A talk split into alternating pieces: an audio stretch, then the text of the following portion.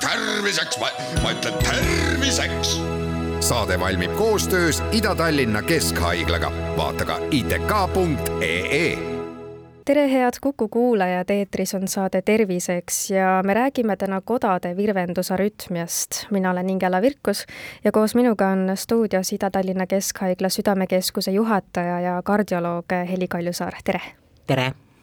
Mis see kodade virvendusarütmia siis on, mida ta endast kujutab? kodade virvendusarütmia on kõige sagedasem rütmihäire. sageli rahvakeeli kutsutaksegi teda arütmiaks. ja kui teda kirjeldada, siis võiks seda iseloomustada seda, et, et tegemist on ebaregulaarse südametööga et vastupidiselt sellele tavalisele südamerütmile, kui südame rütmikeskuses tekib impulss ja see liigub regulaarselt äh, kodadelt vatsakestele, siis äh, virvendusarütmia korral on nii kodade kui vatsakeste töö ebaregulaarne ja see ebakorrapärane töö võib põhjustada paljusid vaevusi, aga ka vahel raskeid tüsistusi, näiteks insult ehk ajuinfarkt. või põhjustada hoopis südamepuudulikkust Te mainisite kodasid ja vatsakesi, natukene võib-olla seda raadiokuulajale küll keeruline selgitada, kui pilti juures ei ole, aga aga oskate te siiski kuidagi seda edasi anda, et mis selle käigus siis südames täpsemalt toimub, mida need kodad ja vatsakesed teevad?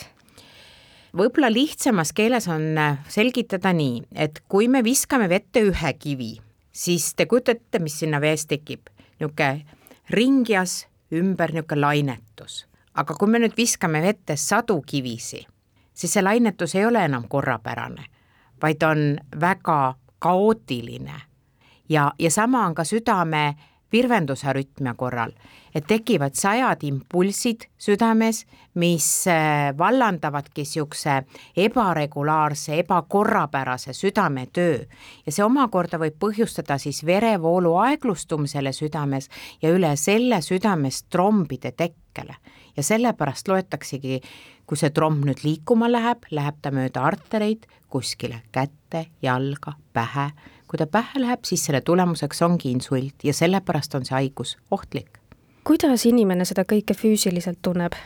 mõnedel inimestel ei ole enesetundes mitte mingeid muutusi ja nad ei tajugi oma rütmihäiret ja esimene ilming võibki olla insult või trombemboolia mõnesse muusse organisse kuid sagedamini inimene tunneb eh, seda rütmihäiret südame pekslemise ehk kloppimisena.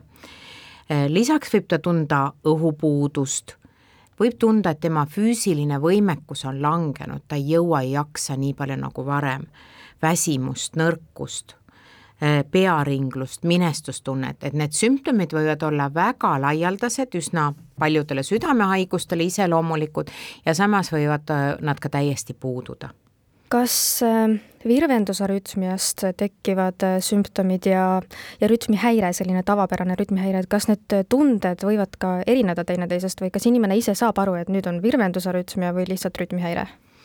Et lihtsalt rütmihäirete all me tavaliselt mõtleme südame vahelööke ehk lisalööke enamasti.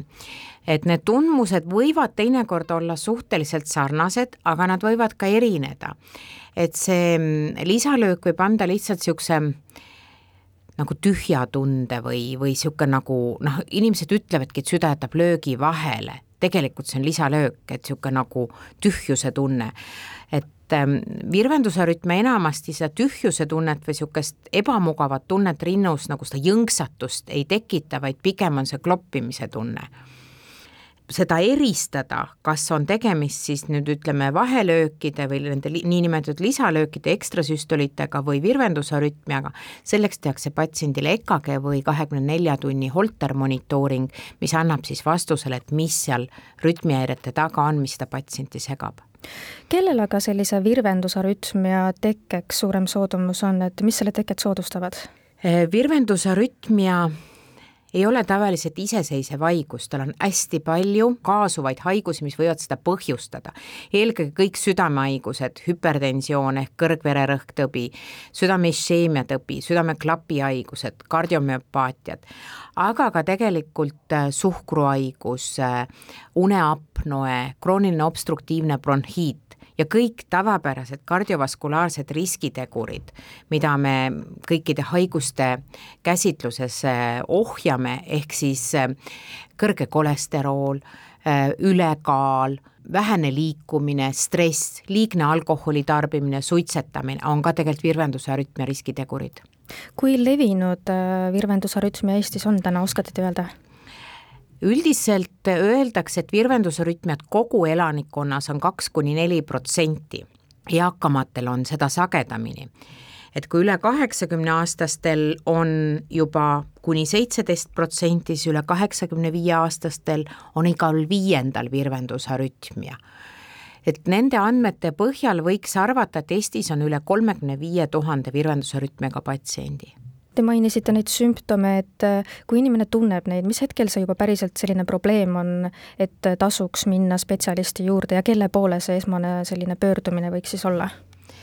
Esmane pöördumine tavaliselt võiks olla perearstile, kui inimene tajub rütmihäireid, kas ta siis tajub äh, südame kloppimist või tajub ta siis neid äh, vahelööke, et kus tehakse ära EKG ja kui EKG, kui selleks ajaks on sümptomid möödunud või kaebused, et võib ka juhtuda, et see EKG on täiesti korras, et seal peal ei ole ühtegi rütmihäiret, siis tavaliselt järgneb sellele kahekümne nelja tunni äh, rütmimonitooring ehk Holter monitooring, kus proovitakse siis need rütmihäired peale saada.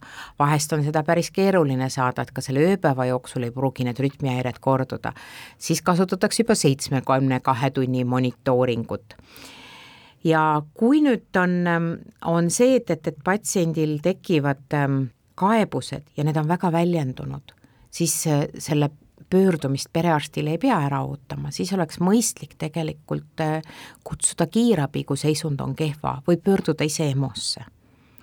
mida see monitooring aga endast kujutab, et äh, kuidas see käib, et kas inimese külge pannakse siis mingisugune asi ja see mõõdab inimese siis vererõhku ja pulssi ja kõike seda vajalikku? jaa, et äh, rütmimonitooring tähendabki see, et, et äh, inimesele pannakse külge kardiogrammi ehk EKG elektroodid ja, ja tal on kaasas pisikene karbikene, mis on see salvestaja ja siis sarnaselt nagu tehakse arstikabinetis EKG-d, salvestab see aparaat kogu selle ööpäeva ringse EKG ehk kardiogrammi. aga tänapäeval on kui nagu ei ole kohe või saasta EKG-d või rütmimonitooringut, on hästi palju tekkinud ka juurde nutiseadmeid, millega me saame juba EKG-d registreerida. see valdkond areneb tohutu kiirusega ja on juba praegu olemas selliseid nutikellasi, millega saad päris hea kvaliteediga EKG salvestada ja sealt edasi saad selle saata selle arvutisse, vajadusel siis oma perearstile või kardioloogile me jätkame oma vestlust juba homme kell neliteist nelikümmend viis.